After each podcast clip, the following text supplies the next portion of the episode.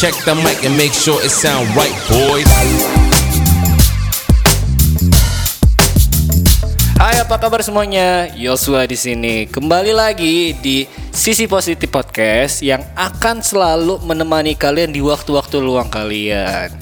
Tentu aja di sini masih seperti biasa, gua ditemenin oleh Septri. Halo Sep. Hayo, hai teman-teman semua. Aduh, Idi. udah lama Iya banget loh. nggak mengudara lagi. Udah berapa purnama loh? Lama pokoknya. Udah lama Gila. banget.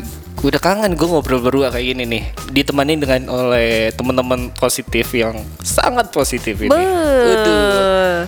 Nah, jadi hari ini kita akan membahas satu tema yang berjudul dengan Generasi sandwich. Mantap. Kayaknya bobonya lapar deh kalau Iya. dengan sandwich. Tapi untung tadi kita udah makan loh. Untungnya udah udah ada Tadi, amunisi Iya sebelumnya. Tadi jadi kita makan apa aman. Burger ya? Burger, ya tapi Waduh. masih semacam sandwich juga lah. Ininya Iya. roti-roti juga. Berlapis-lapis. Jadi generasi sandwich itu masuknya apa? Nah, langsung to the point nih.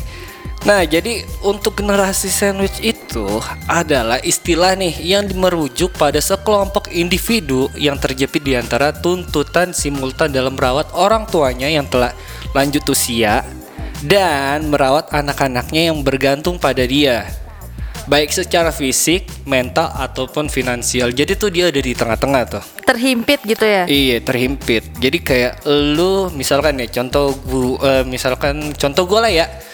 Gua bisa dibilang hampir kayak generasi sandwich belum, tapi gue udah ngerasain di masa muda gue ini gue bakalan ngebantu orang tua gue begitu juga. Ntar gue kalau udah punya anak ya gue juga harus ngerawat. Jadi gue di tengah-tengah tuh. Nah gimana cara gue untuk supaya kok udah langsung masuk tuh conclusion?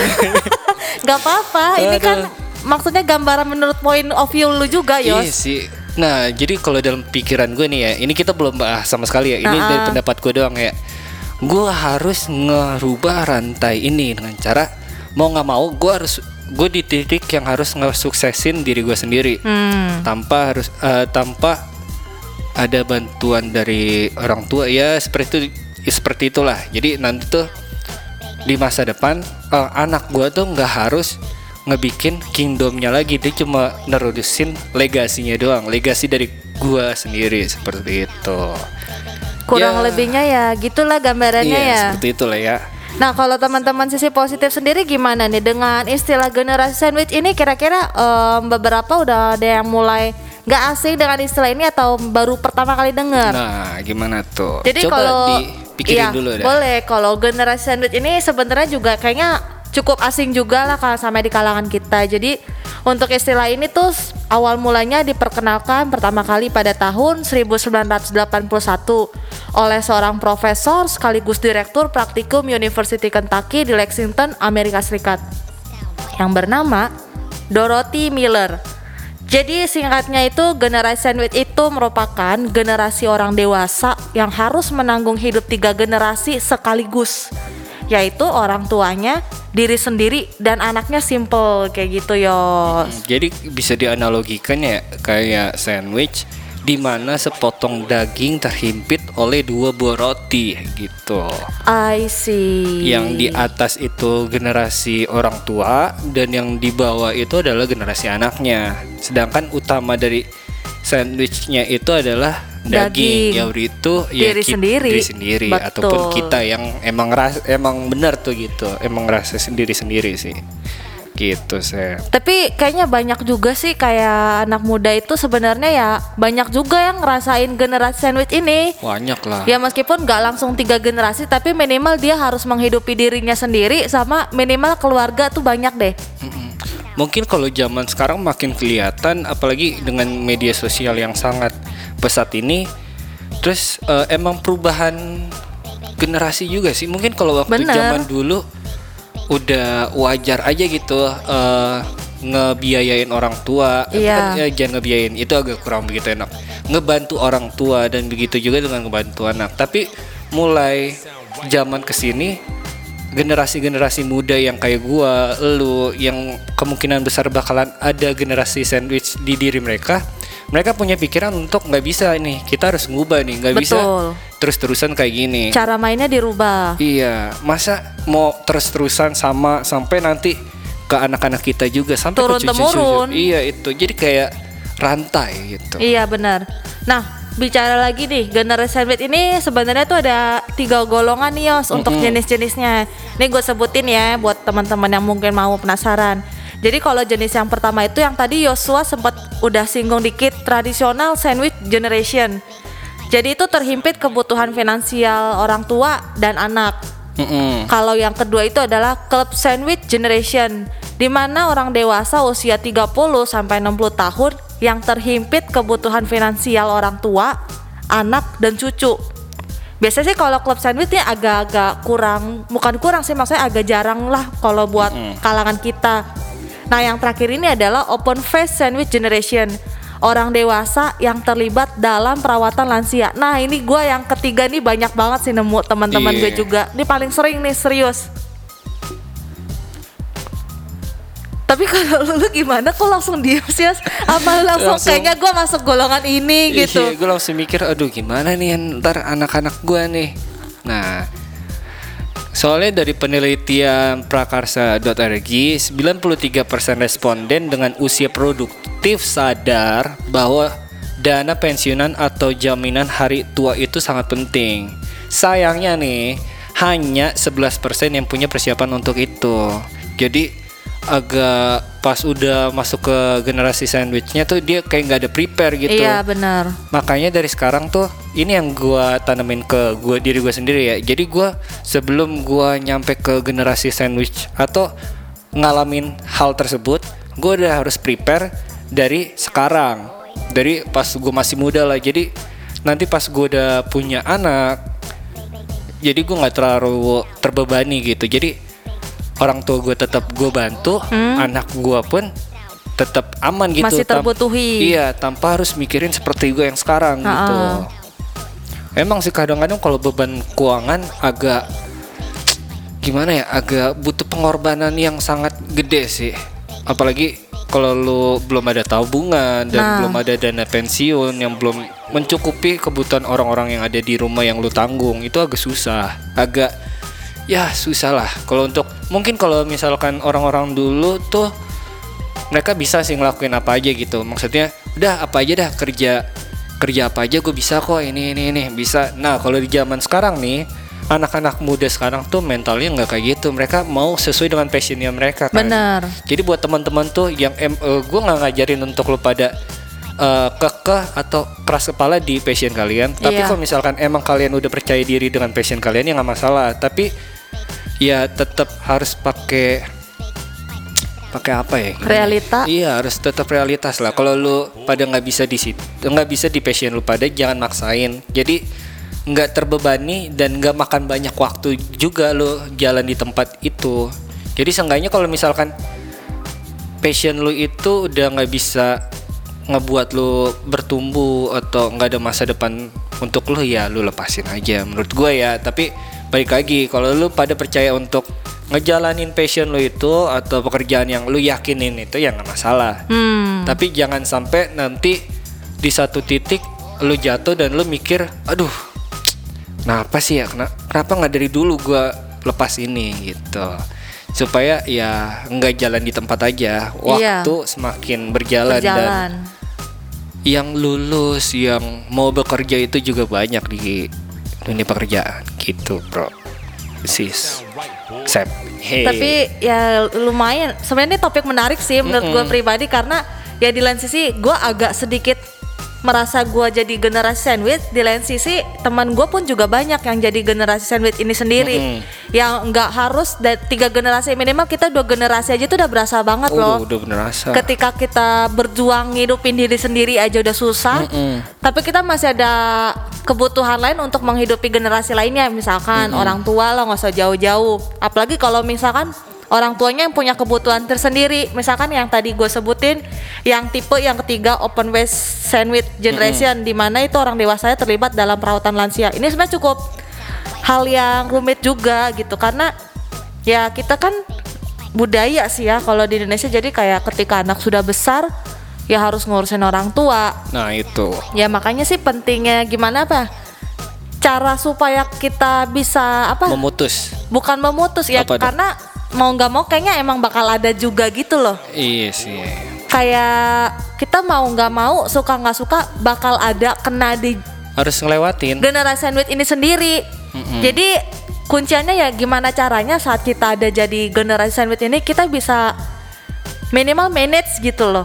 Iya bisa jalanin dengan baik lah ya. Bener. Jadi Nah, kita tuh? ada di situ, kita yang mainin nih cara mainnya mau kayak gini nih gitu. Jangan kita yang dimainin sama si generasi sandwich, tapi kita yang kasih tahu cara mainnya kayak gini loh gitu. Nah gini, kalau menurutku ya buk- eh, bukan berarti mustahil nih kita untuk memutus rantai sandwich, tapi mungkin akan sulit sih untuk keluar dari lingkaran ini. Tapi nih, tapi nih, kalian bisa membuat diri kalian itu menjadi generasi terakhir. Jadi kita tuh jadi generasi terakhir yang udah ngerasain generasi sandwich. Uh-uh, kayak pemutusnya gitu Iya, ya. jadi pemutus rantai generasi sandwich. Uh-uh. Terus apa sih caranya? Gimana sih caranya? Cuma ada satu. cuy. Emang ada caranya, Yos? Apa ada. tuh?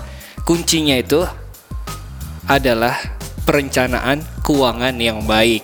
Wow. Nah, perencanaan keuangan yang baik ini akan membuat masa tua kalian tuh lebih terjamin. Yang kayak tadi yang gue kasih contoh. Jadi eh, kita udah mempersiapin ini semua dari jauh-jauh hari, jauh-jauh dari sebelum kita punya anak. Nah, jadi anak-anak kalian tuh, anak-anak kita tuh bisa menjalani kehidupannya lebih bebas, nggak kayak kita. Walaupun emang eh, untuk kebebasan itu kita ngerasain, ah gue udah bebas kok. Tapi nggak kayak gitu, bebas untuk sekarang nggak menentukan kebebasan untuk di masa depan nanti.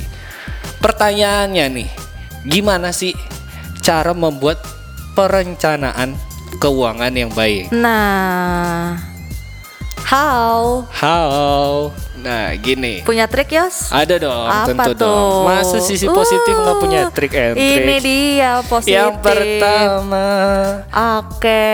catat keuangan yang ada. gitu. Jadi gue punya teman nih, emang nih, ini ini mungkin kayaknya dia pernah bawa podcast ini di Oh, sini. iya. kayaknya sih emang kalau bah bahas Iya. catat keuangan gue pernah denger juga sih. Ada tuh kayak masih season 1 deh. Masih ada. Jadi Aduh. Gimana tuh catat keuangan? Nah, mencatat keuangan itu adalah mulai dari pemasukan sampai pengeluaran kita. Emang terdengar sepele nih. Betul. Kadang-kadang pas kita, eh, ya, ya, gue ngambil contoh aja teman gue ini ya. Dia sampai uang parkir pun dicatat. Wow.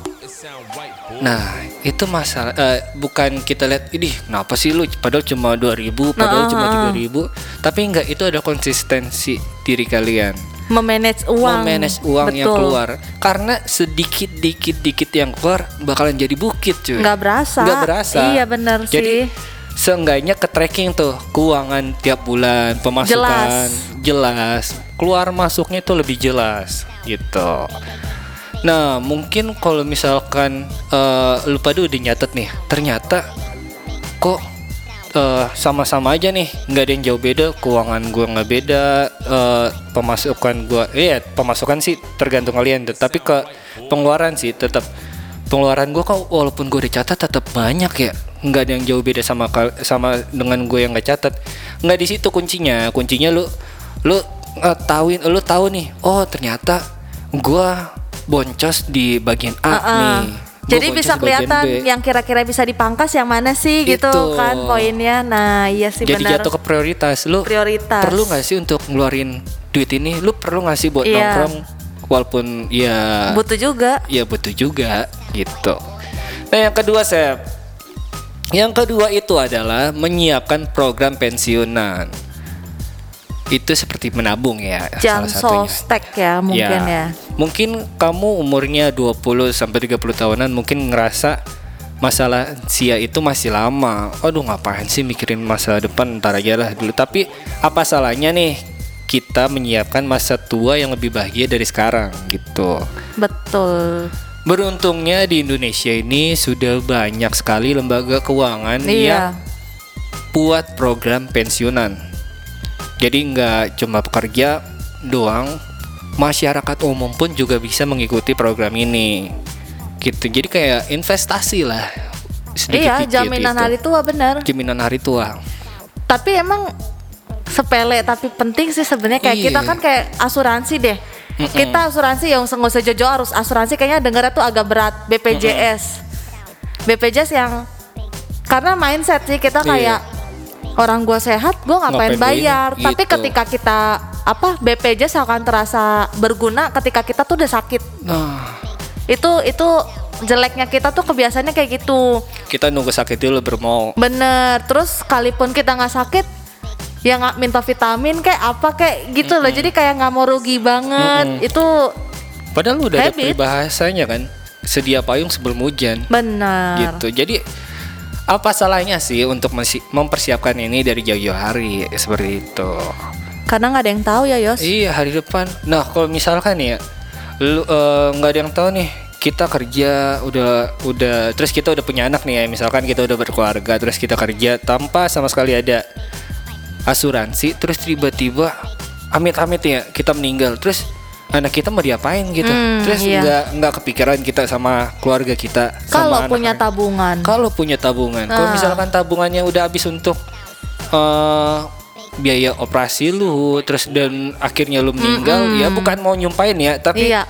minimal kita udah harus mempersiapin hal-hal terburuk sebelum terjadi gitu. Jadi Betul. istri sama anak kita walaupun nggak ada kita tuh tetap bisa melakukan sesuatu, entah Benar. itu buka usaha walaupun emang sulit ya, gitu. Jadi mempersiapkan itu sangat penting untuk hari tua.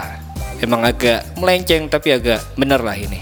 Yang ketiga nih adalah kelola penghasilan dengan bijak. Yang kayak tadi yang pertama, kalau misalkan kita nggak perlu perlu banget untuk mengeluarkan biaya untuk bagian A, ya kita nggak usah keluarin biaya. Jadi kita bijak untuk mengeluarkan duit gitu.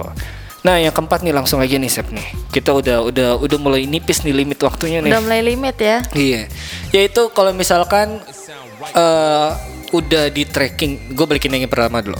Kalau udah di tracking, kita udah mencatat semuanya, terus masih boncos dan gak sama sekali bisa dikurangin, yaitu jalan keluarnya adalah menambah sumber penghasilan. Gitu di zaman sekarang ini nih gampang kok untuk punya side job bener sampingan gitu. yang penting usahanya dulu nih Mm-mm. Kalau awalnya sumber pendapatannya hanya dari gaji, ya mungkin bisa buka bisnis atau ya munculin aja entrepreneur-entrepreneur yang ada dalam indri kal eh i- di dalam diri, Diri kalian. kalian. Karena ya kita bisa lihat lah di zaman covid ini ya, di zaman yang emang kelihatannya susah banget, emang kelihatannya susah banget untuk cari duit, tapi di balik masa-masa covid ini banyak kok juga orang yang bisa ngambil kesempatan dalam ini nih. Bukan kesempatan untuk kayak mengambil-ngambil dana dana nggak jelas itu ya. Ya Ah, itu enggak ya ya. itulah. tapi gimana caranya untuk mencari uang sampingan? Ya entah itu dia buka Minimal buat jajan. Iya, untuk di rumah lah ah buat bantu-bantu keluarga juga gitu. Intinya ya coba dulu aja kalau misalkan ada ide, coba diskusiin sama teman-teman yang emang bisa diajak diskusi. Seperti itu, Seth. boleh lah boleh boleh Mm-mm. Nah, tapi nih dari semuanya itu yang paling penting adalah punya asuransi kesehatan. asuransi kesehatan ya balik lagi ya Iya. Karena tubuh itu kalau lu sakit, lu kurang sehat, gimana lu mau kerja semuanya itu ya Bener. bakalan hilang. Maksudnya enggak yang tadi di atas atas itu tuh 1 2 3 4 5 nggak bakal asik gitu, nggak bakal kejadi kalau misalkan tubuh kita sama sekali nggak sehat gitu. Jadi bagus lah untuk di masa covid ini yang masih olahraga, yang masih menjaga yes kesehatan betul paling penting sih menati prokes. Prokes. Itu. Kita aja lagi tap begini pakai masker, masker. jaga jarak. Jaga jarak gitu. Jadi untuk teman-teman nih yang mengalami atau sedang dalam generasi sandwich memang terasa berat harus memikul dua atau sampai tiga kali beban daripada beban hidup ya beban hidup daripada orang-orang lain. Tapi